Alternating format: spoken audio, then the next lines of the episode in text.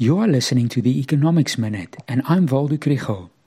The NWU Business School's Policy Uncertainty Index for the first quarter of the year was published yesterday, and uncertainty soared.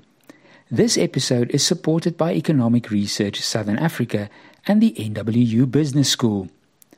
Policy uncertainty is where there is uncertainty about government policy or its consequences. Research shows that this causes investment to be delayed and dampens economic growth. The Policy Uncertainty Index weakened in the first quarter from 53.2 points to a record 71.7 points.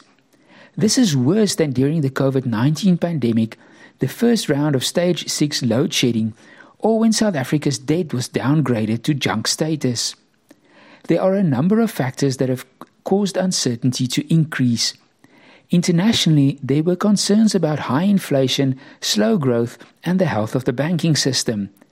Perceptions about South Africa's position are not improved by our inclusion in the FATF's grey list or our close ties with Russia.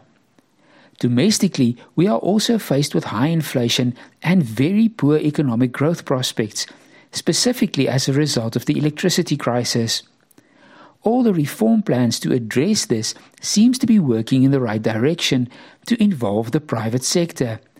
But progress on implementation has been as slow as the cabinet reshuffle.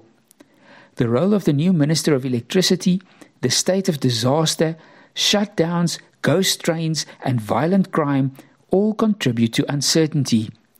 On the eve of the President's next investment conference, this is an important indicator of how crucial it is to accelerate reform.